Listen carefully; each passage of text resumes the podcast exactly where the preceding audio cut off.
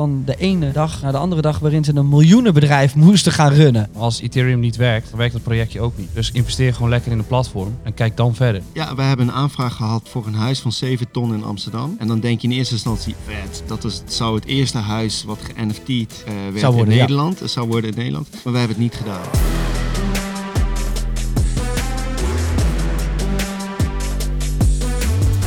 Ondertussen is dit alweer eh, podcast nummer 5 vanuit Kaapstad, Zuid-Afrika. Future of Finance, mede mogelijk gemaakt door Gold Republic, Day One, Bondex en N-Exchange.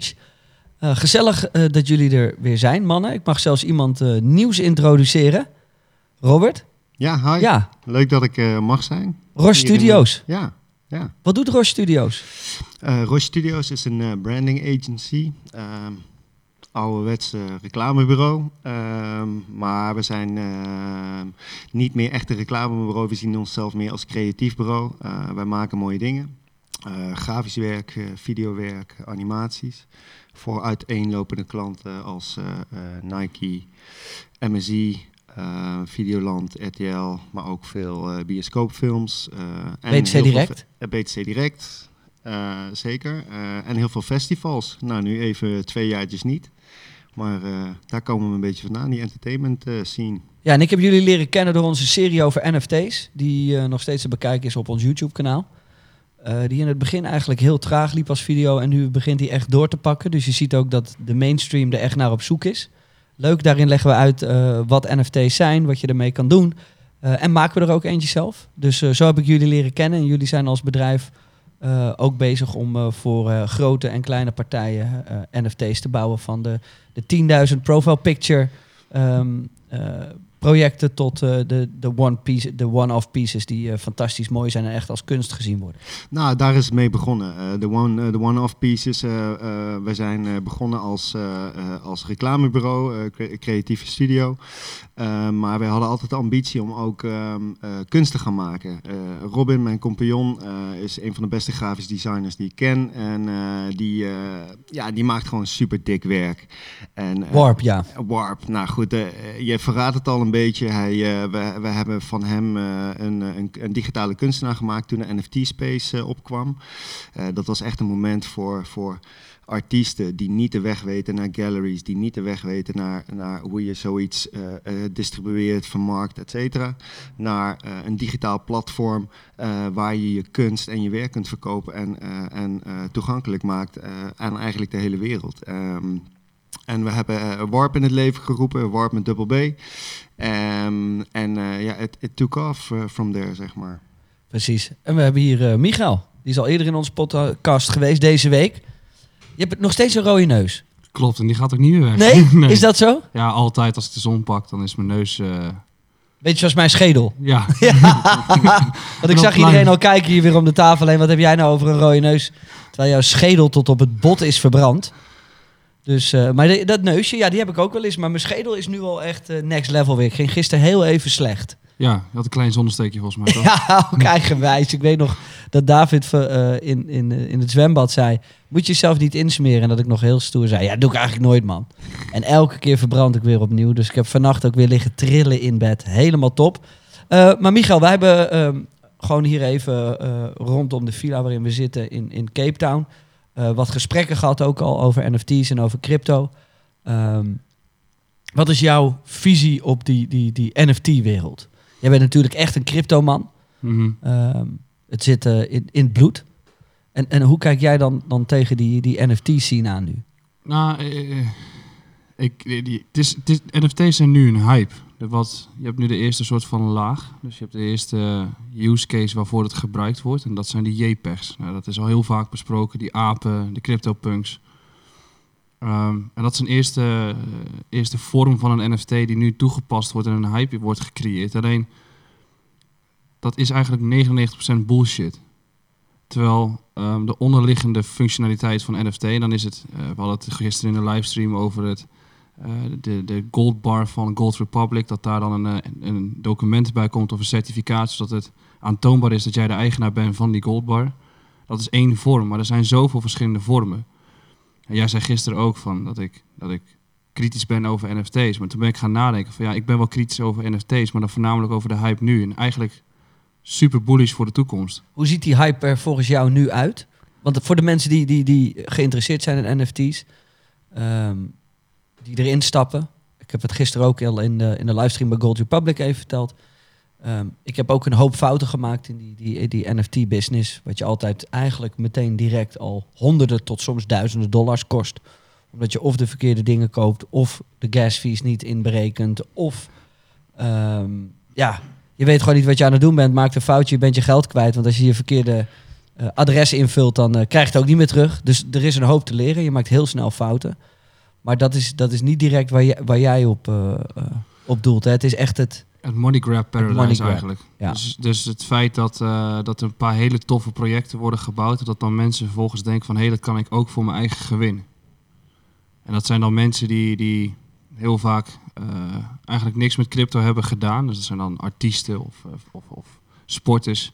die dan denken, hé, hey, daar moet ik ook iets mee gaan doen. En dan niet even wat dieper nadenken over wat het project is... of wat voor impact dat kan maken. En uiteindelijk... Uh, flopt dat. Nou, je hebt het gezien met Kim Kardashian en je ziet het met eigenlijk al dat soort uh, lui wel. En dat is gewoon vermoeiend, want voor de oprechte mensen die er iets mee aan het bouwen zijn, en nou ja, Bob is daar een mooi voorbeeld van, maar jij ook. Um, de luisteraars kennen waarschijnlijk Bob niet, misschien dat jij daar iets meer over kan vertellen. Ja, Bob is de eigenaar van iForce en die heeft nu een, een, die heeft een NGO en daar gaan zij een, een film maken om de oceaan te beschermen. Um, maar zij gaan daar een, uh, een NFT-serie omheen brengen van volgens mij tien beschermde diersoorten. Ja. Um, en als je die NFT koopt, dan uh, gaan zij met dat geld wat daarmee wordt verdiend. En dit is even kort uitgelegd, gaan zij uh, een environmental film maken om de oceaan te redden. Um, en deze NFT's bekostigen dat Bob zelf kan maken wat hij wil, zonder tussenkomst van een grote partner. Dus dat betekent, betekent dat hij, als hij ook rebels wil zijn, om het maar even zo te noemen, dan kan hij gewoon zijn eigen ding doen. Dus ja. hij is helemaal onafhankelijk. En dat betekent dat hij dus door die NFT's dat soort dingen kan gaan doen. Ja, dus dan heb je ineens een use case. Ja, en met die funds gaan ze ook echt dingen doen. Dus, dus plastic opruimen, ehm, eh, ervoor zorgen dat, eh, dat de kelp eh, beter wordt in bepaalde plekken, et cetera, et cetera. Ik zal zo even aan het einde van de podcast even de, de website opzoeken. Want dat is wel leuk. Dan kunnen mensen een beetje zien waar we het over hebben. Maar het punt is meer van, kijk, Bob is, uh, is heel erg bezig met het maken van dat project. Het is een goed project, het heeft een utility, het heeft een use case, het heeft waarde.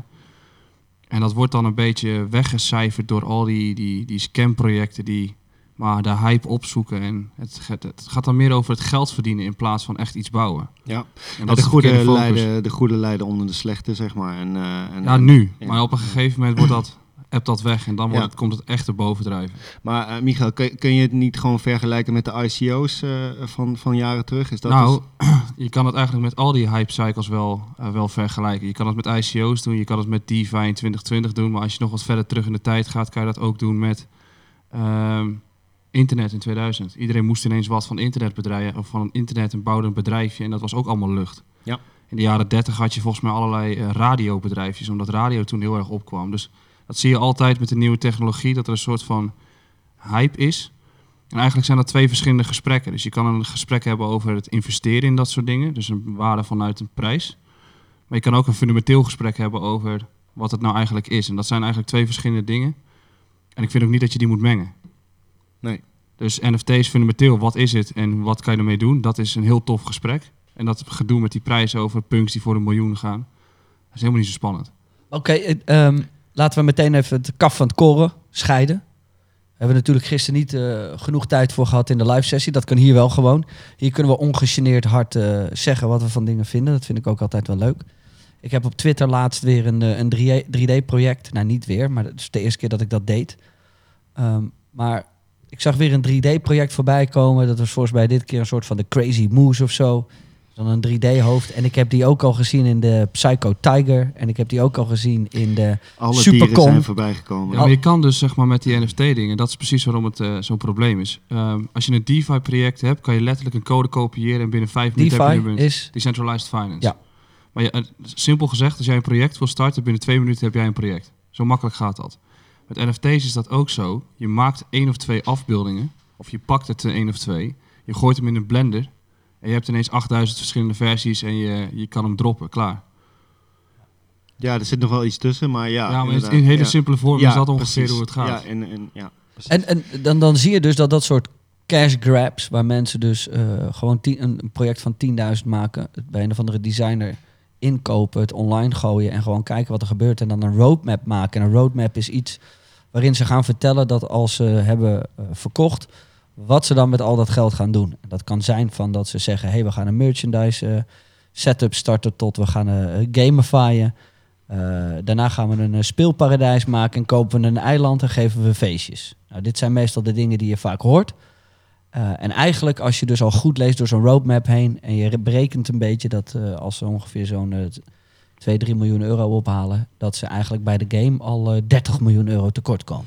Ja, precies. Nou, even terug naar de roadmap. Hè. Dat, is, dat is belangrijk eh, voor, voor investeerders. Hè. Als je NFT's gaat kopen, dan wil jij weten eh, wie erachter zit, wat zo'n bedrijf gaat doen, eh, hoe zij eh, het geld wat ze ophalen herinvesteren en, en verder inbrengen in het bedrijf en waar ze naartoe willen, wat hun visie is, et cetera. Nou, daar staat een roadmap voor. Dat is belangrijk. Als je in NFT's wil stappen, ga die opzoeken. Ga ga op, op de website van, van het desbetreffende project kijken wie erachter zit. En doe wat onderzoek. dat zul jij, zul jij natuurlijk onderschrijven, Michael. Jij leest Ehm, ook je whitepapers van eh, crypto-projecten. inmiddels niet meer, dat, eh, daar heb ik een team voor. Ja. Maar ehm, ja, wij onderzoeken ze wel. ja, maar even ook daar weer, roadmaps en whitepapers. Dat blijft wel nog steeds iets wat mensen gewoon uit hun duim zuigen, hè? Ja, ook dat kan je heel makkelijk kopiëren. Ja, Maar ik denk dat, eh, zonder, sorry dat ik je onderbreek, maar met NFT's, als je er even over gaat nadenken over hoe dat project dan werkt en wat de eigenaar ermee wil doen. Eh, in principe wil hij het één keer droppen, dan pakt hij één keer geld en dan is het klaar. Dat is letterlijk wat een NFT-drop is en wat zo'n eigenaar van wil doen. Die wil gewoon in dat ene moment wil hij zoveel mogelijk geld pakken dan you. Ja, die, die- ik, moet je, ik moet je corrigeren. Het is niet wat, letterlijk wat een NFT-drop doet. Een NFT-drop, eh, het, het is wat een, wat een rugpool doet. Hè? Ja. Dus, dus inderdaad, of, of een pump-and-dump, of een et cetera. Eh, En die zijn er nu heel veel. En, en precies wat jij zegt, die, die verneuken het nu voor de, eh, eh, voor de good guys. En de mensen die wel een solid project hebben en die er echt iets mee willen doen. Ja, want er zijn projecten die we allemaal best wel voorbij zien komen. En dat zijn meestal ook de grote projecten van eh, eh, de Board Ape Club, ook Doodles, Dead Fellas, eh, Cool Cats. Zijn allemaal grote projecten. Dat zijn bijna blue chip projecten. Ja. Zijn in ieder geval in de top 10, denk ik. Ehm, en dat zijn allemaal projecten die best wel grote communities hebben gebouwd. Ja. Eh, en dat community gevoel is, is een positief iets uit eh, de NFT-business. Maar voor de tien die blue chip zijn en echt mooie communities hebben gebouwd waar mensen heel blij mee zijn en waar ze vaak ook eh, extra geld mee verdienen of privileges voor meekrijgen, zijn er denk ik voor de tien zijn er 10.000 die dat allemaal niet doen. Ja, exactly. Kijk, in de NFT-scene is het ook ingebed dat je een community bouwt. Dat is een keer bedacht. Hè? Dat is, eh, eh, dat is eh, in de projecten zoals Board Ape Club is dat opgekomen. En om, om, om te spreken en om te praten met je community. Wat willen jullie graag? Omdat het natuurlijk hartstikke jong is en een hartstikke nieuwe scene is.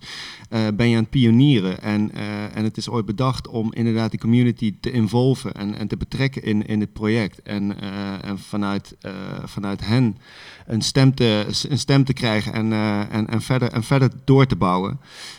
Alleen nu zie je dus ook weer dat die community. Ja, in over their heads as well. Weet je wel, ze verwachten veel te veel van, van de projecten. En, en, en eh, ze maken elkaar helemaal gek. Zoals de social media nu gewoon over de hele wereld is. Iedereen zit elkaar fucking gek te maken. En, ehm, ehm, en dat is wel jammer. Eh, kijk, sommige mensen snappen niet dat als je zo'n project dropt, dat je niet een week later met een nieuwe drop kan komen. Of met een, een game kan komen. Je noemde het net al, Jay. Eh, NFT's zijn, is, is, is een prachtige eh, asset om, om in games te gaan, gaan brengen. Hè. We kennen allemaal de FIFA skins en de, en de Fortnite ski- skins. En Dat zijn in principe de eerste NFT's.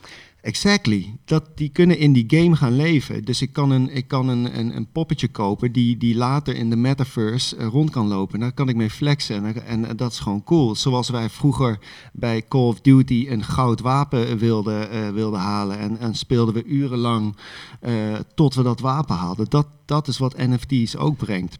Ja, Maar en ik, ik ben ook, hè, en dat, eh, ik vind de Board Ape Yacht Club, ehm, ik vind dat ook gewoon wel echt hard als je dat als profile picture hebt. Het, het, is, het, het is iets, het is voor mij, kijk, een Ferrari rijden is ook niet altijd, staat ook niet altijd iemand. Maar ik vind dit ook wel weer dat ik denk, ja, het is wel de next flex. En dat, dat moeten we wel Dat accepteren. is het. Waarom, waarom, waarom dragen wij Louis Vuitton tassen? Ze zijn Precies. niet per, per se heel mooi of zo. Nee, nee. En waarom, Maar- waarom draag je bijvoorbeeld niet een wit shirt gewoon, maar staat er op deze Balenciaga? En dat is ook de flex, toch? Ja, Tuurlijk. Michael. Uiteindelijk ook wel, ja. Ja, maar dat is, dat is dus. Dat, ik, ik snap ook wel een hoop van dat soort eh, projecten. Want ik vind het echt vet. Als ik morgen het geld had om het te kunnen doen. Dan zou ik waarschijnlijk eerder een, een Board Ape Club kopen dan een, een, een auto. Omdat mijn auto wordt een stuk minder waard. En ondertussen over dit jaar is bewezen dat zo'n project best wel rendabel zou kunnen zijn. Het is natuurlijk super volatiel. En als het zometeen instort ben je alles kwijt.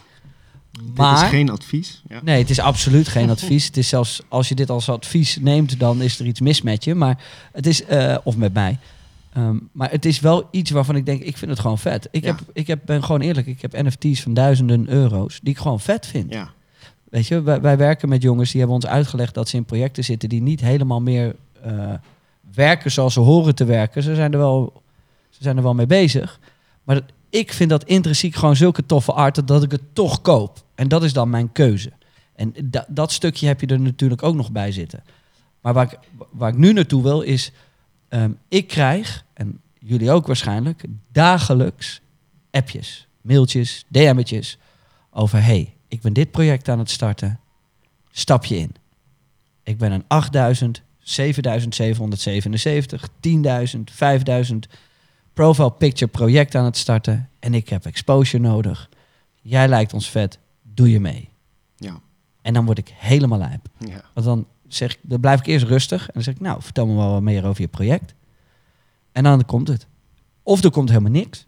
Of er komt het standaard praatje wat je overal hoort, dat ik net ook al zei. Ja, we gaan bouwen met merch en daarna gaan we gamifyen. En eh, we hebben een hele sterke community. Er zitten al 20.000 mensen in de Discord. Ja, dat zijn allemaal bots. Eh, eh, weet je wel. En, en Discord gaat straks ook verleden tijd zijn eh, in, in, in eh, ik denk ik in die, in die business. Want Ja. je zet jezelf onder druk. En de community zit niet alleen maar op eh, Discord. Zou het fijn vinden als bijvoorbeeld een eh, goed PFP-project misschien een YouTube-kanaal start. Waar je daar op die manier je ehm, Ja. publiek onderhoudt. Nou ja, bijvoorbeeld een game, een game bouwen, weet je wel. Dan gaan, moeten alle alarmbellen gaan rinkelen. Want om een, om een, een solid game te bouwen, heb je tussen, tussen de 15 en de 50 miljoen euro nodig om die game te bouwen. Wij zijn nu voor twee klanten met, de- met Roche Studios eh, zijn we voor twee klanten bezig om daar eh, branding en, en, ehm, en een PFP-project voor te maken. Zij gebruiken dat PFP-project echt om, om de game te vinden. En daarnaast hebben ze zelf nog genoeg funds om dat te doen. De- en de andere klant is per slotverrekening gewoon een fucking game studio. Die, die, die Ja. gewoon zegt, ja, we hebben gewoon meer geld nodig. We kunnen het allemaal, maar om het te versnellen hebben we gewoon, eh, gaan we dat eh, project droppen om, die actual game te maken. Maar dan snap ik het wel weer. Want dan heeft het dus, dat is best, wel, solid. Ja, best wel een solid use case. Alleen eh, als ik de laatste projecten, of nou ja, laten we zeggen de laatste 2000 projecten mag geloven, komen we er eh, binnen nu en twee jaar hele sikke games uit. 2000 hele sikke games waar iedereen bij moet zijn. Maar dat was met die ICO's toch ook? Ja, hoe is dat? Want ik heb dat minder meegekregen, die ICO's. Nou, dat was eh, in die periode kon je het verhaal van bij ons op Beursplein. Ik zit daar met mijn kantoor. En toen hadden we een heel klein groepje gasten. Die gingen toen naar een evenement in april in New York. Twee seconden, Michael, sorry dat ik je stoor. Een ICO, voor de mensen die niet weten wat een ICO is. Eh initial coin offering. Dus eigenlijk gewoon eh, wat je bij de aandelen hebt, je een IPO. En eh, met een ICO haal je geld op en kun je een project starten en eh, ga je door. Daar heb je in principe nog wel een, een verschil met NFT's, is dat daar nog een lange termijn visie in zit en je hebt een munt. Dus je bent enigszins nog gekoppeld, maar eigenlijk is het een money grab ook. Het verhaal is, is we hadden toen nog, nog in april van 2018 nog enigszins wat hype. En toen gingen twee jongens van het kantoor gingen naar een evenement in, eh, in, eh, in, de, in New York. En die kwamen daar aan en het was gewoon alleen maar mensen die wilden graaien, weet je wel. Dus na één dag dachten ze, laten we nou gewoon een, een lomp project verzinnen en kijken of we geld op kunnen halen. Dus wat zeiden ze? Eh, we, gaan, we gaan de sterren tokenizen. Dat is ons project en daar zijn we geld voor aan het ophalen. Ze hadden echt 50 man binnen twee dagen die gewoon geld wilden neerleggen voor een, voor een blockchain project die de sterren gaat tokenizen. Dat was toen en dat is heel vergelijkbaar nu met NFT's. Ja, Ja, 100 procent. Ja, lijkt, lijkt maar- bijna, als je nu tegen mij zegt, ja, we gaan Goed de idee. sterren, eh, daar gaan we NFT's van maken. Dan denk ik, nou ja, goed idee. dat zou misschien wel een van de betere ideeën zijn die ik de laatste tijd voorbij heb zien komen. ja, dus eh, weet je, het is ook heel vaak als je dan zulke soort gesprekken voert en je, je krijgt een berichtje erover binnen en je stelt gewoon één vraag wat, die, wat dieper over ingaat, dan hebben ze meestal geen antwoord. Nee, Men denkt niet verder na dan dat ze dat zeg maar willen gaan produceren. Ja. En dat is een beetje het probleem met NFT's nu, want je hebt wel die, die, die profile pictures, die JPEGs. Maar ga nou eens een manier verzinnen dat, dat dat sustainable wordt. Dus dat die community echt daarna nog iets ermee kan gaan doen. Ja. Ehm, en dat, we hebben nu allemaal hele losstaande dingen. Dus we hebben, we hebben platformen, we hebben DeFi, we hebben NFT's en er komen nog andere dingen aan. DAO's en bla bla bla. Waar we eigenlijk op, naar op zoek gaan, is dat allemaal met elkaar connecten. Want als we op het moment dat we dat doen, dan kunnen we en dus waarde overzetten in nou ja, een document als een NFT. Maar we kunnen ook dingen die in principe al waarde hebben, maar we kennen er geen waarde aan toe, die kunnen we ook waarde gaan geven. Ja, precies. Dus bijvoorbeeld als iemand zit te luisteren naar deze podcast, dat hij dan in return een day one NFT krijgt of een token, die hij vervolgens in de community kan gaan gebruiken om naar een evenement toe te gaan of een boek te Ja, kopen of iets. daar geloof ik in. En dan ga je. En dat, en dat noemen ze utility. En, Precies. en dat is, Exact. dat is, ei- ja, en dat En is eigenlijk wat, wat nu gewoon het belangrijkste is. En wat je naast zo'n roadmap eh, moet, moet er iets van utility zijn. Iets van waarde, iets van eh, eh, iets tastbaars. Hè? Dat is eigenlijk ook wat wij als mensen ook willen. Het is een, het is een wereld die, die voor we- weinig mensen echt te vatten is. Wat, wat is nou een NFT? Wat is nou een smart contract? Wat is crypto zelfs? Ehm, eh, en als je er waarde aan toekent, hey, ik mag naar dit feest of ik, eh, of ik krijg een, een, eh, een festivalkaartje als NFT en ik kan een lifetime eh, elk jaar een, een gratis biertje bij Bar X ophalen. ja, en ik mag in het, op het VIP-deck staan. Exactly. Of inderdaad, ik kan, ik kan een stukje van een goudbar krijgen. En dat staat op de blockchain. Dus dat is altijd voor mij. Kijk, een NFT is een smart contract. En is een, een eigendomscertificaat. Wat gewoon niet meer te veranderen is. Ik, ik, heb, ik, en dat is goud waard. ik heb even mijn telefoon erbij gepakt. eh, omdat ik het altijd leuk vind om toch ook wel... Mensen denken, ja, maar dat soort DM's krijg je toch niet? Dus ik denk, pak er even wat bij. hey, doe je aan promo's. Morgen, drie uur, Discord van mijn NFT promoten. Ik zeg, sorry.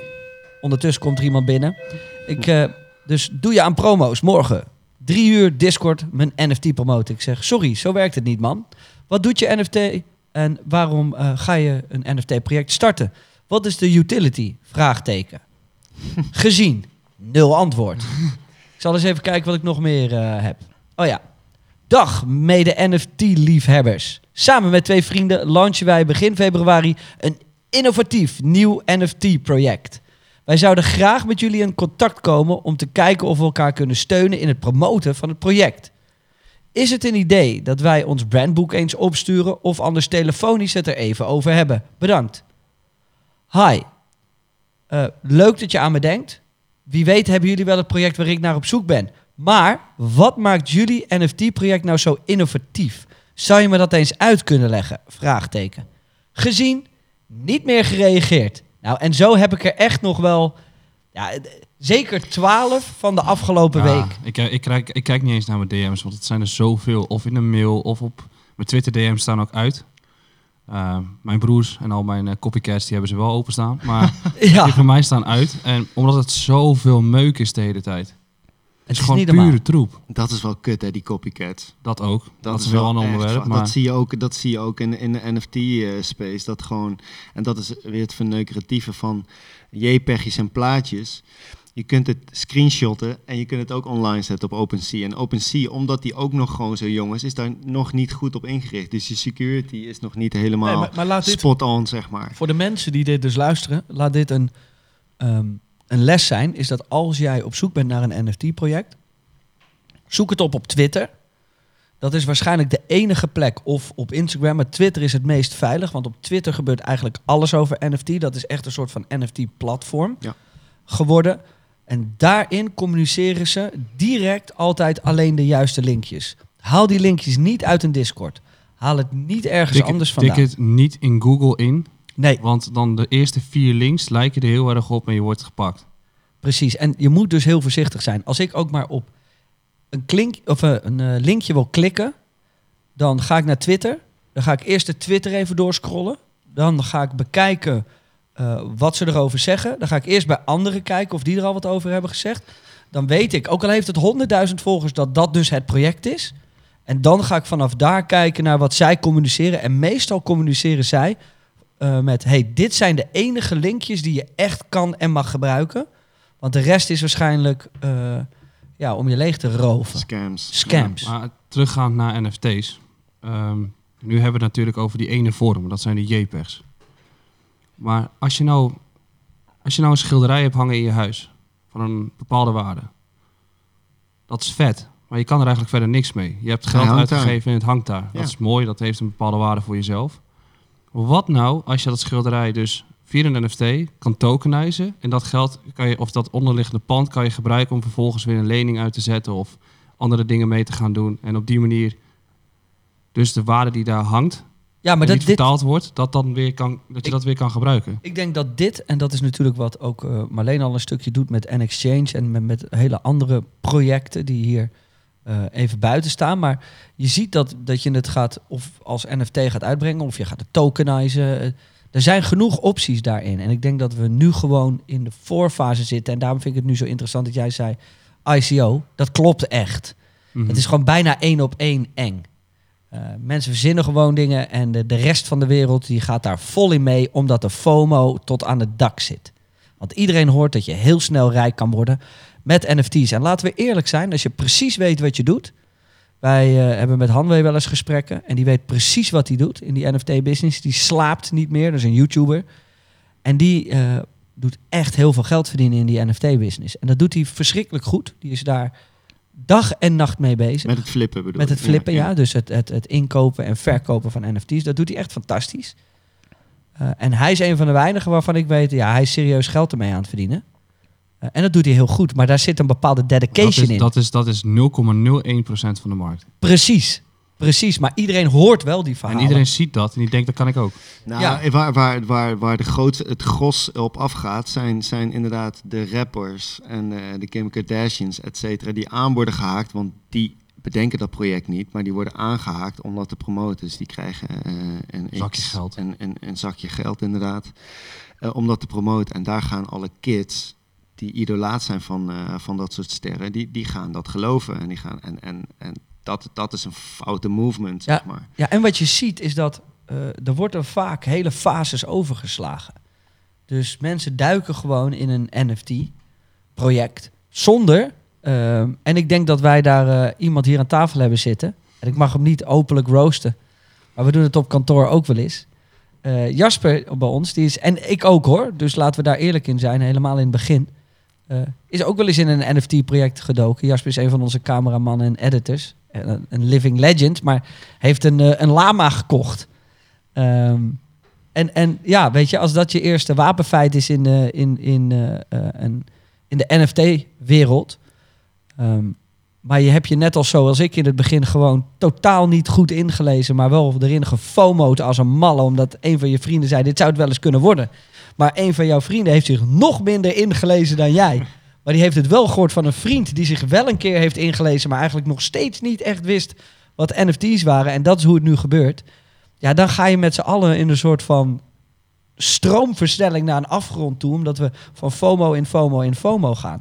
Terwijl ik denk dat als je echt hierin wil stappen, dan moet je dit soort podcasts luisteren, maar dan moet je ook echt gedegen. lezen. Wat zei je? Dan moet je blijven lezen, Ja, blijven echt. researchen. echt gedegen onderzoek doen. Maar niet alleen naar een project, maar gewoon naar waar leidt deze wereld ons heen. Ja. Want dan maak je, zoals ik en Jasper, niet die fouten. Eh, en, en dat kan heel simpel. En, en natuurlijk is de informatie verspreid over het internet. Maar je moet wel echt op. Er zijn, ik denk ik ook wel cursussen online die zouden kunnen die waarvan je denkt, hey, weet je, er is genoeg. Je kan beter 5 tot 700 euro uitgeven aan een, eh, aan een crypto cursus of aan een whatever, omdat je dan in ieder geval precies weet wat je aan het doen bent naar zoiets. Ja, Want er dat geld raak je veel- anders toch wel Er kwijt. is ook heel veel echt goede gratis content. Ook, ja, 100 Dat- Je moet wel iets je best ervoor doen, maar er is echt heel veel goede gratis content. En zeg maar, het punt is ook, de ICO's van 2018, dankzij de ICO's zijn we nu wel in de markt waar we nu in zitten. Dus we hebben nu de NFT's en die hype gaat weg, maar over vier, vijf jaar leven we waarschijnlijk in een systeem wat wel steeds beter begint te werken en Ah, super vet is. En dat is er weer iets anders. Ja, je, ik, ik, ik reflecteer het even op onszelf. Hè. Wij, wij kunnen NFT's maken. We hebben, we hebben een, een grafisch bureau, we hebben een, een, digitaal kunstenaar, Warp, die, die het kan maken. We kunnen het verkopen, we weten hoe het werkt, we weten de wegen, we kennen de, de devs, de developers, eh, die smart contracts maken. Maar we hebben wel gewacht met onze eigen Uh, collection drops doen. En waarom? Omdat wij eigenlijk iedere keer weer zagen dat, dat, dat de shit hits the fan. Of dat er weer iets fout ging. Of dat er weer eh, dat er hackers eh, eh, kwamen. dat dat dis Discords niet meer werkte. Dat, dat bots werden ingezet. En constant, wij leren steeds van, van elk project wat er bijna live wordt gezet. Je gaat steeds meer met, met mensen praten. Je hebt onlangs een podcast gemaakt, Jay, met, met, met de gasten van, van Oniforce.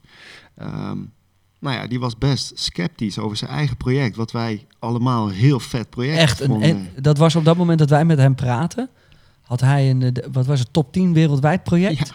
160 miljoen gedraaid. Eh, in, een, in, in een paar dagen. Eh, ging door het dak. Ehm, en, en hij had met vijf man iets opgezet. Die hij nog nooit gezien Die had. hij nog nooit gezien had. En dat was echt in het begin. En, en daarna raakten ze met z'n allen een beetje in paniek van al het geld. Want ze gingen van de ene dag letterlijk naar de andere dag... waarin ze een miljoenenbedrijf moesten gaan runnen. Met de druk van eh 7777 man... die de hele dag vinden dat jij iets moet gaan doen. Want jij hebt een community opgezet. Dus dat is dat, ja. En, Ja. en toen, toen eh, ik schrok toen een beetje. En Robert, jij ook. Ja, Want dat was een project dat wij, ik, ik nog steeds, ik, eh, ik vind nog steeds, dat is dus een van die projecten die ik nog steeds blijf kopen, omdat ik het echt vette art vind. Ehm, maar ja, so- een solide project was er toen niet meer voor ons. En, maar wij hadden dat echt hoog zitten. En toen dacht ik, oh, Ja. deze business, als dit, als dit een project is wat ik echt vet vind, waarvan ik dacht dat wordt goed gerund en dat blijkt absoluut niet zo te zijn, dan, dan, dan hebben we een best wel een groot probleem. Maar dat is precies de reden waarom ik dus nu bewust niks met NFT's doe. Kijk, ik lees wel. Ik praat met mensen en ik zie wat, wat, de- wat er gebeurt. Maar ik heb niet de noodzaak om daadwerkelijk die risico's te gaan nemen om erin te gaan investeren. Want net zoals met die ICO's, er komen vanzelf wel momenten. Op het moment dat niemand het erover heeft en geen interesse is in al dat soort markten, dan zijn de grote kanshebbers daar. En als ik bijvoorbeeld zelf zou investeren in een NFT of in een NFT-space, dan zou ik bijvoorbeeld in een, een, een OpenSea willen investeren. Omdat dat een platform is die moet gaan draaien om het systeempje gaande te houden. En als dat, net zoals met, mensen willen altijd de kleinste altcoin kopen.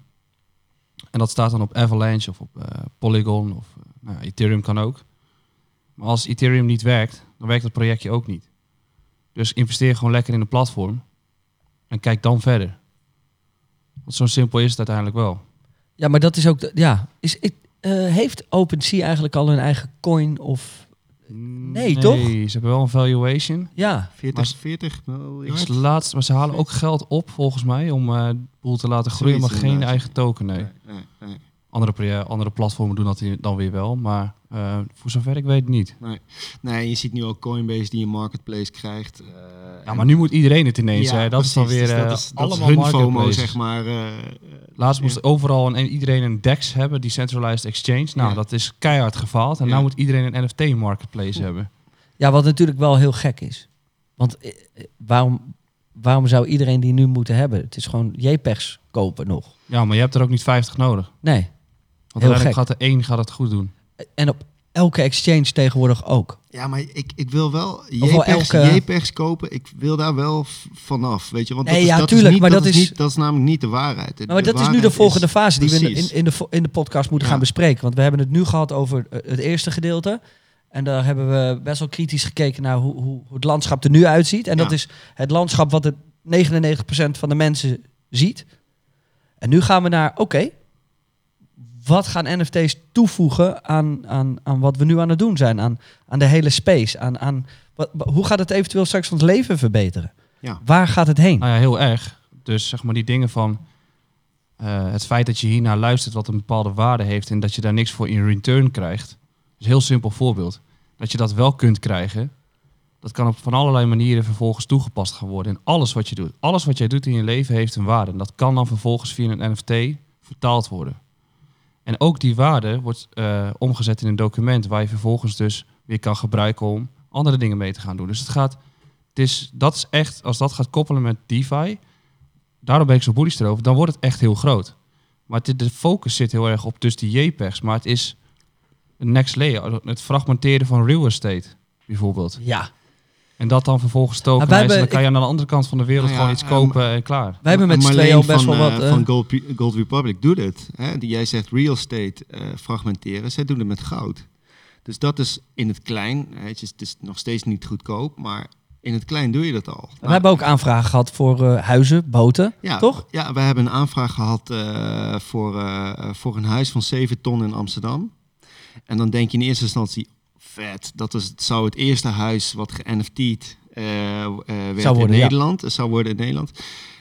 Maar wij hebben het niet gedaan. Nee. Ehm, omdat wij vinden eh, dat de huizenmarkt is super overspannen al in Nederland. Een huis van 7 ton kopen betekent in, dat je in crypto 7 ton in je wallet moet hebben, want anders kun je die NFT niet kopen.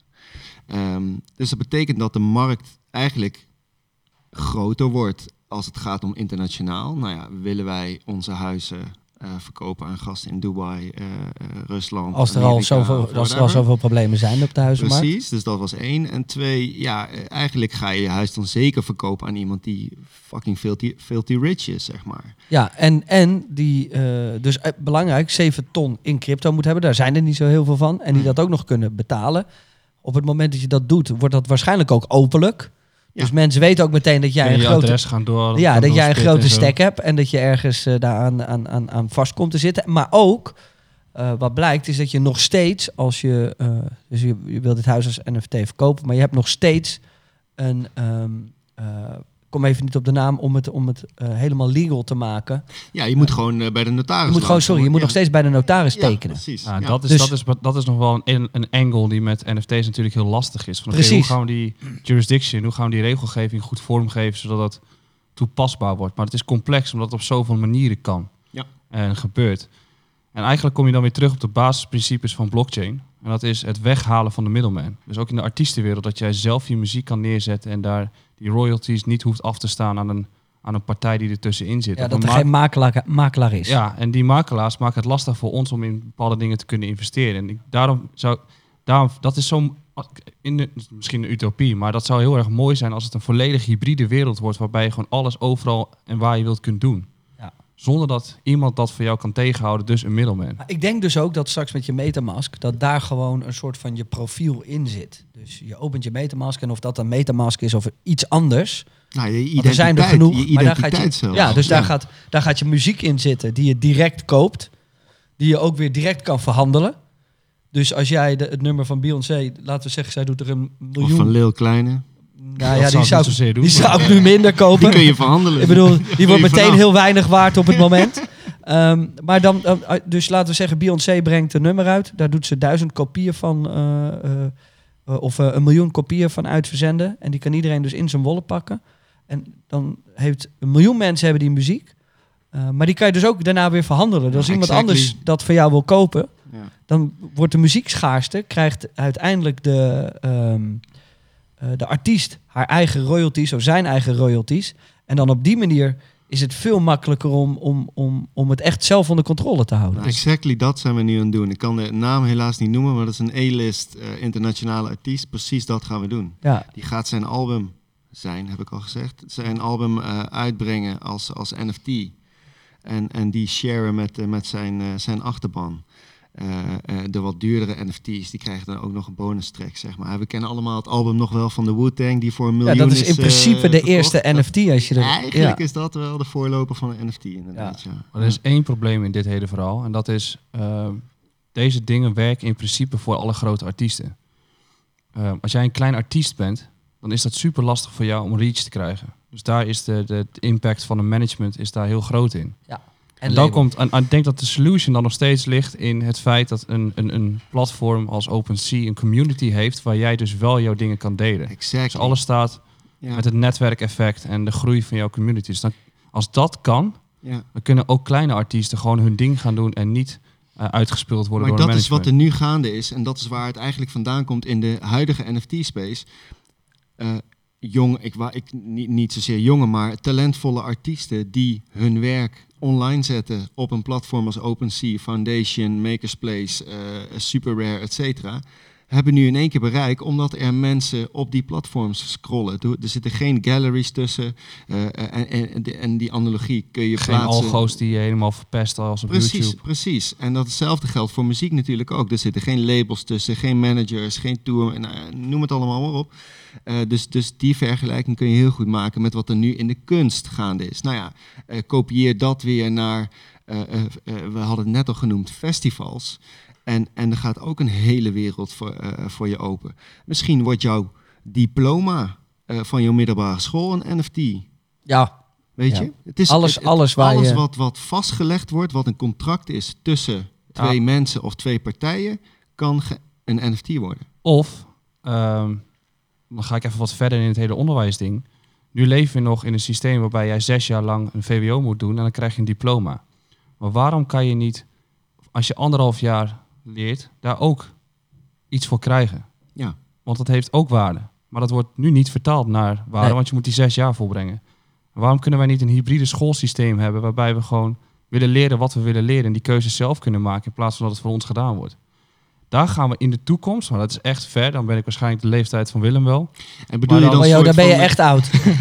En bedoel je dan soort van, maar eh, bedoel je dan soort van insignes? Hè? Kennen we allemaal Ja, Donald ja, Duck dat- nog? Die woudlopertjes die insignes krijgen als, eh, als ze iets behaald hebben of zo? Nee, maar dat, is- idee? ik denk dat, dat, dat, eh, dat, dat het vastgeroeste systeem, dat dat opengetrokken gaat worden op alle niveaus. En dat dus bijvoorbeeld als je naar school gaat, als je daar een week naar school gaat, dat dat ook een waarde vertaalt. En dat, nu is het zo dat als jij je school niet afmaakt, krijg je geen kans in de wereld. En is het super lastig om ergens iets op te bouwen. Terwijl als jij gewoon kan overleggen wat je gedaan hebt, dan moet dat een kans kunnen geven. En dat is het stomme systeem. Hey, ik zit me net te bedenken. Michael, wat is het verschil tussen... Want ik denk niet dat mensen dat altijd weten. Tussen het, vers- het verschil tussen NFT's en tokenizen. Eh, ja, dat is, dat, is, dat is een lastige. Het zit heel dicht bij elkaar. Precies. Kijk, ehm, zeg maar, het verschil tussen een NFT en tokenizen. Bij een NFT heb je dat eigenaars, dat eigendomsrecht. En bij tokenizen hoeft dat niet zozeer. Dat kan ook zonder. Er zit een smart contract onder een NFT. Ja, Precies. maar de- de- bij de NFT is dat zeg maar de unieke. ehm, Ja. Dus dat is meer contractueel gezien. Is een NFT echt... eh, Maar je, je krijgt ook nog een ander probleem. Stel je hebt zeg maar het fragmenteren van een huis. Dus je bezit met 50 man bezit je een huis. Ja, hoe ga je voten voor, eh, voor een verandering in, een? DAO? Ja, maar is een DAO een volledige oplossing? Nee, ook niet. Want volledig decentraal is ook geen oplossing. Dus dan krijg je, dat, dat is een beetje het speelveld waar nu... eh kijk, nu DAO's beginnen steeds meer op te komen. ja, dat is een, eh, eh, ja, een soort van BV.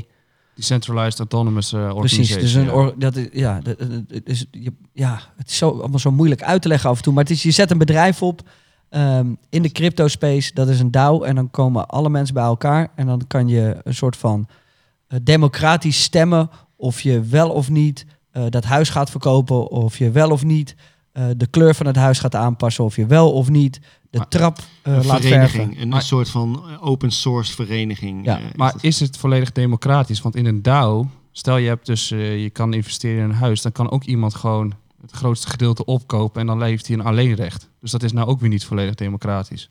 Maar DAO's beginnen steeds meer op te komen en hebben in principe al wel een use case. Dat eh, de eerste eh, functie daarin zit voornamelijk in de finance. Eh, crowdfunding en het ophalen van geld en daar een, eh, een, een, nou ja, iets tegenover laten geven aan de investeerders. Um, als je die connectie kan maken en als je daar en dan 10, 15 jaar verder in gaat, dat is waarschijnlijk waar we naartoe gaan met NFT's en de tokenizen en DAO's. En nu zitten we letterlijk, we zeggen vaak we are early, maar dat zijn we ook. Alleen mensen zien dat niet. Kijk, Nee, maar dat is, dat is precies. Ik denk dat we, hoe herken ik en hoe weet ik dat we early zijn, is omdat we hier nog tegen zoveel problemen aanlopen en het niet helemaal rond kunnen breien. Dan weet je dat er gewoon dus nog een hoop opportunity is.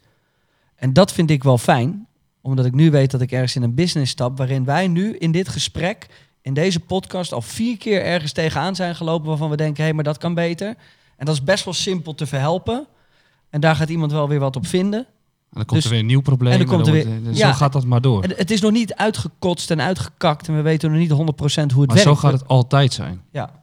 En die kijk ook naar, eh, gisteren had jij het in die livestream bij Gold Republic erover van ehm MetaMask en de hoge fees. Dat is ook een, een heel simpel probleem. Daar heb je nu al die andere platformen die daarvoor worden gecreëerd. Ja, layer nou, of andere layer 1's. Ja. Dat zijn gewoon eh, Ethereum copies, zeg maar. Maar ja, dan krijg je het volgende probleem. Is Solana een Ethereum copy? We zitten even naar Dario weer te kijken. Dario, onze stagiair, is de Solana fanboy. Eh, ik, eh, ik ben niet een groot fan van Solana. Maar ehm, het, is, het is een platform. En op het moment dat je nieuwe platformen creëert, krijgen zij uiteindelijk ook hetzelfde probleem als Ethereum nu heeft. Want als er meer usage is op het platform, dan krijg je ook die schaalbaarheidsproblemen. En er is een nieuw probleem. Als je van Ethereum naar Solana wilt, is dat vrij complex. En dan betaal je echt een, echt een shitload aan geld om dat telkens maar te versturen. Dus dan moet er een brug gebouwd worden. En als die brug gebouwd kan worden, dan kan je dus ook een DeFi-project waar jij in zit en waar je geld aan verdient op Solana, vervolgens vrij makkelijk vertalen in iets van Ethereum weer. Maar dat zijn ook, kijk, dat Ethereum eh, gas fee probleem is een heel primair probleem. Dat is het allergrootste probleem van Ethereum. Ja, maar Ja. dat heeft Bitcoin ook. Ja. Die, dat het eh, lang duurt om eh, iets over te maken en veel geld kost. In zekere zin. Maar daar komen ook allemaal oplossingen voor die straks toegepast gaan worden.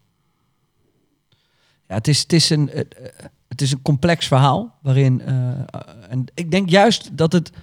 Nu we het er zo over hebben, doet het me steeds meer een soort van energie geven om nog meer erover te leren. Dus op het moment dat wij hier al met z'n met drie elkaar soms aan zitten te kijken en denken van, oh ja, dit weten we nog niet. Dan, dan moet je daar gewoon naar op zoek gaan en dan moet je gaan kijken. Ik vind het nu interessant om, om te gaan bekijken of is, is er al met iemand met zoiets bezig? Een brug tussen. Ja, ja, die zijn er al. Die zijn Ja, er al. Dus Alleen dat, die, die, zijn er nog niet heel veel en ze werken nog niet top. Maar ze zijn er al wel. precies. Maar dus dat, is, zou maar, iets dat zijn waar je dan soort van je goed in kan verdiepen. En eventueel kan denken, hé, hey, hier zou ik in kunnen stappen, want ik weet dat dat straks eventueel nodig is. Ja, maar dat, dat, die bruggen, eh, die zijn er primair alleen voor het overmaken van geld. En dan vervolgens komen al die andere dingen erachteraan. Dus als die brug goed gaat, en dat, nou, het kost nog veel tijd en het is niet soepel en het gaat fout. En, nou, dat is een beetje een nieuwe technologie, dat, daar loop je altijd tegenaan. Maar als dat begint te lopen, dan begin je een ecosysteem te krijgen. Dat als jij in eh, Japan zit en je gebruikt een bepaalde munt, dat je binnen no time in Amerika op een ander platform het ook kan doen. En dan krijg je dat hybride structuurtje wat je met z'n allen graag zou willen. Dan gaan landgrenzen bestaan in principe dan niet meer. Hey, en voor de, voor de mensen die gewoon ongegeneerd hard geld willen verdienen. Want dat is natuurlijk, laten we eerlijk zi- zijn, daar draait de NFT-space op het moment wel op. Het gaat allemaal om geld, het gaat allemaal om flex. Ja. Hoe kijken jullie daar tegenaan? Toevallig zei jij gisteravond, eh geld verdienen is niet erg. Dat is prima. Ja, dat vind ik dus ook. Dus ik vind een hoop, Ja, precies. vind ik ook, ik ben, eh, ik, ik ben het gewoon, als jij iets wil kopen waar je aan twijfelt, maar je denkt wel eh, dat het je eh, veel geld op gaat opleveren. En jij doet dat met een, eh, een goede gedachte achter in je hoofd. Dat je weet wat je daarna met dat geld wil. Of je wil gewoon veel geld verdienen. Dat kan ook. Daar is helemaal niets erg aan. Ehm, het is soms zelfs heel leuk. Ja, maar niet over de rug van, de, anderen. of van de onwetende mensen. Precies. Kijk, als, als inderdaad, als jij eh, eh, eh, hebt kunnen lezen, et cetera, wat, wat, eh, wat een NFT-project inhoudt. En, eh, en, en je hebt alle red flags genegeerd. eh, en je doet het dan toch, dan, dan is, het je, is het jouw schuld. Maar het gros van de, van de NFT-kopers nu, op dit moment, en dan heb ik het, heb ik het over de, de PFP-projecten, wat nogmaals benadrukken, dat is echt maar een klein gedeelte van de echte hele NFT-space. En, Mhm.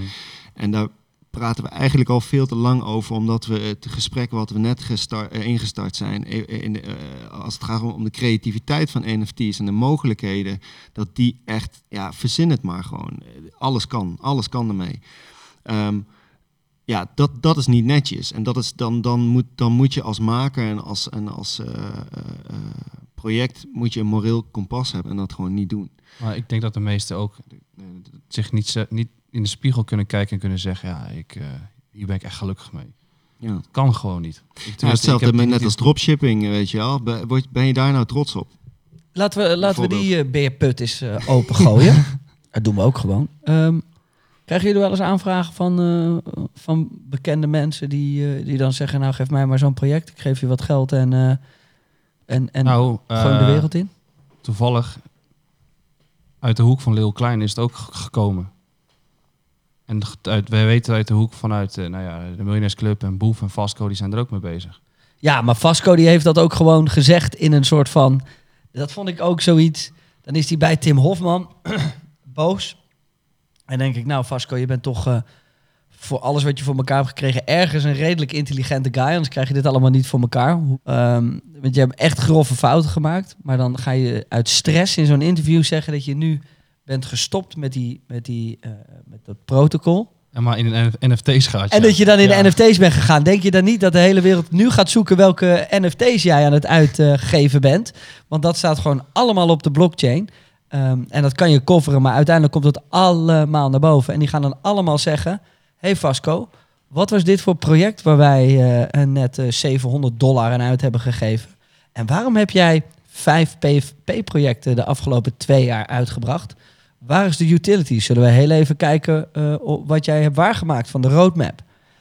Ja, weet je, en, en dan, dan ga je weer.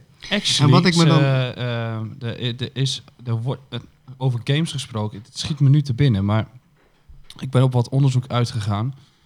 En eh, de helft van dat team van eh, wat er omheen hangt, zit al in een game. Ze zijn al een game aan het bouwen, een soort Habbo-hotel-achtig iets.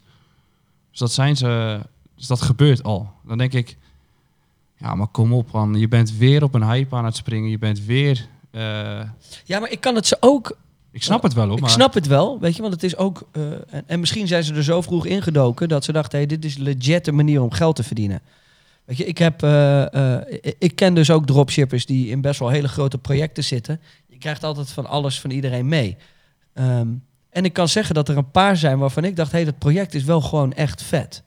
Ehm, en dan hoeft het niet qua roadmap vet te zijn, maar het zag er voor dat moment, wat er in de NFT-space beschikbaar was, op dat moment, goed uit.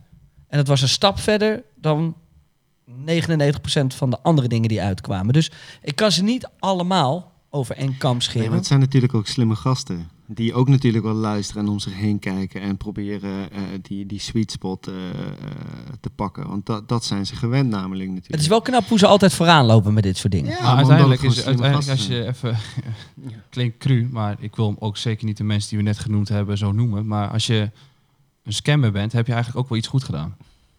En dat klinkt eigenlijk heel erg dubbel, maar je bent eigenlijk best wel slim in de dingen die je doet.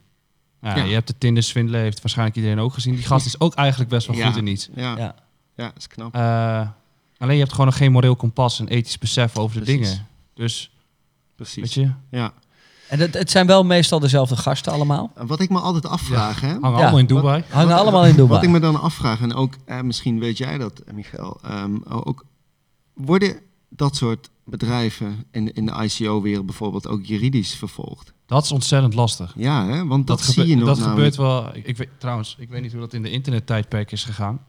Ehm, daar, nou ja, Willem zit achter me, dus misschien weet hij daar wat meer over. Maar, Nou, Nina Brink heeft wel... oh, dat ja, maar het zijn, het zijn, ja. het zijn, dus zijn er zoveel projecten zijn gestart. eh, of nou ja, bedrijven. En dan heel veel ICO's zijn gestart. En er gebeurt in principe niks mee. Ik denk dat ik misschien een paar gevallen weet die, die, die aangepakt worden. En het probleem is dat we hebben nu nog steeds bijvoorbeeld een discussie over privacy. Daar heb je met Facebook heb je die hele juridische gevecht in Amerika gaande. Dat is iets wat eigenlijk al twintig jaar geleden besloten had moeten worden. Dus laat staan dat wij iets van ehm, juridische eh, regels gaan krijgen voor crypto. Dat is onmogelijk om dat vorm te gaan geven. Dus ik denk dat, dat, dat als je daar, daar ehm, mee En- gepakt en wordt, dan dat ga het je het vanuit ook intern komt. centraliseren natuurlijk. Ja, maar ik denk dat het vanuit intern komt. Dat het systeem, zich, of de community en het systeem zichzelf, of men, die mensen zelf al gaat aanpakken. Dat gebeurt steeds meer. Kijk nou naar, naar, naar Expos Ja. Eh, eh, en Vasco. Die is helemaal kapot gemaakt door Tim Hofman en door de community. Ik denk dat dat nog zwaarder is dan dat jij, eh, dan dat jij een x-bedrag moet betalen aan de rechter, want dan ga je Ja. weer rustig door. Iedereen Ja. weet nu wie jij bent. Denk je dat hij daar veel last van heeft? Ja. Kijk, het rotte is namelijk dat Ik ben hem natuurlijk een paar keer tegengekomen. Ik heb ook wel eens met hem gezeten. Ik heb met hem gewerkt. Ja, ik heb ook wel eens met hem gezeten. Ehm, en ehm, ik verslik me bijna. Het leek alsof ik er even van moest huilen. Nee, Emotionele dingen. Emotioneel word ik ineens geraakt. Nee jongens, ik verslik me gewoon. Nee, maar ik vind het best een aardig gozer. Is Ik vind het best een aardig gozer. Dus als ik hem dan ook zie zo zie strukkelen bij, bij, eh, bij Boos... dan vind ik het op de ene kant toch zielig. Maar als ik dan bekijk wat je allemaal hebt aangericht... ehm, en waar je ehm, niet helemaal toch je verantwoordelijkheid voor neemt... eigenlijk helemaal niet... dan, ja, dan, dan krijg je dit vanzelf. Je roept het dan toch ook op jezelf af. Maar het probleem ligt bij zulke soort figuren, en daar hebben wij ook een gesprek voor eh, over gehad, is... ehm, hij heeft het idee dat hij zich moet voldoen aan een ideaal beeld voor, beeld voor de rest. Dus hij is maar de hele tijd bezig met ik moet dit, ik moet dat, ik moet zus. Terwijl als hij gewoon zichzelf is en gewoon rustig eens gaat kijken wat hij echt wil, dan kan hij veel verder komen. Ja, dat denk ik ook. En Ik, dat kunnen er heel veel dan dus. ik ben hem een keer op Dubai tegengekomen. Of eh, hij kwam terug uit Dubai en ik kwam terug van vakantie met mijn vriendin. Toen kwamen we elkaar tegen op Schiphol. En toen ben ik even met hem gaan zitten. Heb ik even, een, eh, eh, even wat gedronken met hem, gezellig. En toen vertelde hij me al dat er een beetje wat aan de hand was waar hij van baalde. En toen zei ik, ja, maar als je mij nu vraagt aan jou... Of als jij mij nu vraagt om even mee te denken met jou... hoe je dit op een hele mooie, goede manier kan oplossen... zodat er een, een, een hoop mensen zijn die nu niet geraakt worden... eh, dan denk ik dat je daar best goed uit kan komen. Alleen je plan is verkeerd. Nee, maar het- het- ik heb hem ook heel veel gezegd in die periode. Wees nou eens eerlijk. Je kan ook gewoon zeggen, ik heb het fout gedaan en bla bla. Prima. Prima, zeg het. Maar Ja. ga niet de hele tijd tof lopen of probeer het te blijven doen, want dan trap je jezelf alleen maar verder naar beneden. Ja. Ja, en dat is zonde. En, en je ziet dus wel dat dat soort gasten, eh, zoals jij ook zegt, wel intelligent zijn en wel weten wat ze doen op de een of andere manier. Ehm, en laten we eerlijk zijn. eh, er zijn een hoop van die jongens die gewoon een, een goede duit in de zak hebben. En die denken bij zichzelf, ja, nou, dat is het enige waarom ik geef. En als dat, jouw als dat jouw ehm, doel is, en dat is waar je om geeft... Ja, het is voor ons niet oké. Wij hebben een moreel kompas. En wij denken nog wat, wat verder na en wat langer na dan alleen dat. En ik geloof dat op de lange termijn je altijd meer verdient met eh, oprecht zijn en eerlijk zijn. Dan dat je in een short term iets bij iemand wegtrekt wat, waar ze hard voor hebben gewerkt. Wat je dan altijd, eh, je moet altijd over je schouder heen kijken. Ik, ik geloof dat long term altijd werkt. Maar ze hebben ook wel een hoop tools gehad van andere mensen om hen heen. Om het wel goed te kunnen doen. En daar hebben ze uiteindelijk bewust dus ook niet voor gekozen. Ja, en dat vind ik, dat vind ik schadelijk. Dat vind ik eh, heel moeilijk. Ehm, omdat ik soms het gevoel heb dat het wel eens bewust is gedaan. Ja, maar in het geval van, van als je echt dan specifiek over Vasco hebt, denk ik dat het ook gewoon slecht ondernemerschap is geweest. Dus dat het niet bewust is, maar dat, die, dat, dat heel veel mensen een initiatief hebben en heel graag iets willen gaan doen. Maar zich niet zo, die zitten in een soort tunnelvisie en die, die, die beseffen niet dat het ook anders kan. Eh, en welke risico's ze lopen. En dat een beetje onderschatten. Ja, en ze zijn elkaar op aan het En ik denk dat, dat er en- heel veel wel vanuit binnen dan vervolgens helemaal kapot gaan. En, eh, en eigenlijk ook gewoon gelukkig willen zijn. En ook gewoon willen zijn wie ze, wie ze zijn. Maar ehm, daarin gewoon die fouten hebben gemaakt. En dat is waarom ik zelf bijvoorbeeld niet heel snel bepaalde keuzes maak. Ik denk er gewoon wat langer over na. Want je imago kan binnen één seconde kapot zijn. Daar hoef je echt niks voor te doen. You get cancelled. Ja, dus, cancel eh, culture is ja, vrij groot de laatste tijd. Vrij Die is eh, populair. redelijk op. eh, ja, die Die is, is aanwezig. er, is, er is één eh, ding nu groter dan de NFT-business. En dat, dat is Dat de, co- de cancel culture. Kunnen we dat niet NFT'en of zo? Holy Dat shit. mooi. Wij kwamen hier aan op, op het vliegveld na een 11 uur lange vlucht. Niemand had internet in dat ding. En ik kom eh, Arno tegen. Het eerste wat hij zegt is... eh, ja, eh Lil Klein zit vast en eh Glennis Grace ook. Dat was het eerste wat uit zijn mond kwam. Ja. Het is heel heftig. Ja. Het is echt heel heftig. En de opkomst van de, de, de juice-kanalen en soort van... Je bent tegenwoordig dus een held als je andere mensen snitcht. Ja, Die vind ik ook moeilijk. TMC. Ja, dus we en krijgen gewoon Amerikaans-Engelse tafereelen hier in Nederland. Het was natuurlijk eh, heel logisch, want dat gaat overal zo gebeuren. Want het gebeurt in Duitsland groots, het gebeurt in Engeland al honderd jaar. Amerika is het meer, is, is het meer de regel eh, en is het de norm dan dat het niet gebeurt. En hier ja, is dat ook gewoon zo. Je kan, niet, ja, je kan je rug niet keren. Nee, maar mensen moeten aan de andere kant ook gewoon normaal doen. Je moet Ja, gewoon met je maar poten ja- van, van vrouwen afblijven. Je moet, je moet je vriendin niet me- aan de haren de auto uittrekken. Je moet geen mensen scammen. eh, eh, je moet je machtspositie niet, niet Dat dus misbruiken, et cetera. Ja, dat is 100 Die procent. Ja. af. Ja. Ja, je moet eigenlijk moet je eh, daarna gewoon zelf heel even, eh, ja, toch zelf een, een, een, een kleine mishandeling ondergaan, denk Ja, ik. Want, eh, en dat is dan, bedoel ik dan, dat je op deze manier zo gefileerd wordt door, Ja. door, door het publiek. Ja, dat heb je dan verdiend. En kijk, laten we, laten we wel heel even zijn. Op het moment dat jij je vriendin op die manier eh, zo aanpakt, dan ben je gewoon vuil. Dan ben je gewoon laag. Dan hoor je bij het laagste van het laagste. En of je dan een nummer 1 hit scoort en een nummer 1 hit album hebt of niet, je bent trash. Je bent gewoon niet een man. Eh, je bent eh, in de rangorde de allerlaagste van de allerlaagste. Ja. Je, be- het- je bent echt heel zielig. Ja. En ehm, dat is iets wat nu heel snel naar buiten komt. Omdat deze wereld zo snel is nu. En waarom, wat heeft dit met NFT's te maken? Nou, de wereld is snel. Online is snel. Alles gebeurt snel. We gaan van scams naar dat je ontdekt wordt eh, op je eigen camera buiten. Dat je je vrouw slaat. Je moet gewoon heel voorzichtig zijn met Ja. alles. Maar dus die, de andere kant is dus ook dat ehm, eh, Albert Verlinde eh, Umberto Tan voor de bus gooit. Zeg ja, maar. en dat is dus de kant waar ik het nu over wil hebben. En, en dan sluiten we hem even af, want anders gaan we helemaal de andere kant op. Ja. Maar het is wachten totdat, en dat is waarschijnlijk dus al met een Humberto Tan ook gebeurd, totdat er iemand geraakt wordt, omdat we met z'n allen zo op zoek zijn naar dit en het zo proberen te corrigeren, dat er straks ook mensen geraakt gaan worden die het absoluut niet verdienen. En dat vind ik een moeilijk iets. Ja, of totdat, het, eh, totdat eh, zeg maar, iemand er echt een keer klaar mee is en het is niet waar en die wordt wel kapot geschoeid en die, die schiet de ander dood of zo. Ja, ja of Zo die vooral. pleegt zelfmoord, of Ja, die vindt... die- zo'n heftig die iets. vindt het leven gewoon niet meer gaan leuk. We, gaan, we, gaan we nadenken. Maar, maar totdat, dat gebeurt nu al. Er zijn meisjes die gepest worden, die, die, die eh, eh, in de WhatsApp-groepen naaktfoto's rondgestuurd zijn. Die, Ja. dat is hetzelfde. Ja. Die, d- dus dat, is, eh, dat gebeurt al. Dus laat de Die- digitalisering, laat de digitalisering daar... Social media is, is fucking toxic. Ja, maar laat, laat de digitalisering van waar wij het net over hebben, laat, laat die zijn werk doen. Want hoe meer straks digitaal alles een eigen eh, profiel krijgt en, en, een- en, een, en een eigen zaadje, waardoor het niet meer zomaar kan. Ja, hoe, hoe harder mensen aangepakt kunnen worden. Dus ik denk hoe meer wij een eigen digitale profiel kunnen creëren, die echt ook duidelijk van jou is, die iedereen kan zien. Ja. Dat ze straks gewoon kunnen tracen dat als jij zo'n foto ergens in een appgroep gooit, dat je gewoon de Sjaak bent omdat ze dat kunnen zien. Ja, Dat is straks het goede van wat we nu aan het doen zijn. ja, de blockchain ligt niet. Nee. afsluiten wel. Ja, toch? Ja. Oké, ehm, ik zou nog even een linkje gooien naar, eh, naar eh, Bob zijn project. Het is echt een tof project. Eh, NFT-project. Als je ergens naar wil kijken en een beetje erin wil verdiepen. En gewoon ook iets tofs wil zien. Hij werkt met Melody Sheep. Ook leuk om dat een keer op te zoeken op YouTube. Want als je iets wil zien op YouTube wat next level is, dan is dat het. Ehm, dat wil je het NFT-project bekijken, dan moet je gaan naar www.ocean-nft.com. Daar kan je meer inlezen over dit project. Het is dus een, een project van Bob van iForce. Daar zijn wij hier ook mee. Eh, wil je meer over hem te weten komen, dan staat het in de live sessies op Gold Republic.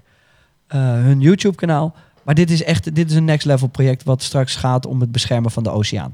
Eh, mannen, mag ik jullie bedanken? No problem, jij ook bedankt. Ik hoop Leuk. dat we er een beetje uit zijn gekomen. Ik hoop dat de mensen weer wat hebben aan deze podcast. Het zou heel fijn zijn als jullie hem met je familie, vrienden, eh goede, vage kennissen deelt. Uh, gooi hem in appgroepen voor mensen die meer willen weten over NFT's. Ehm, en we kunnen tegenwoordig ook de podcast een, eh, een, een rating geven. Dus het zou leuk zijn als jullie even op vijf sterretjes drukken. Mocht je denken, nou, ik doe het op één ster. Dan kom ik met een knokploeg naar je huis en eh, zoeken we je op. Nee, dat gaat niet gebeuren. Want ik denk dat we dan langs veel huizen moeten. Maar eh, dank jullie wel voor het luisteren. Dit was weer de Day One podcast. Nummer 5 deze week vanuit Kaapstad. Eh, een hele fijne dag nog. Later.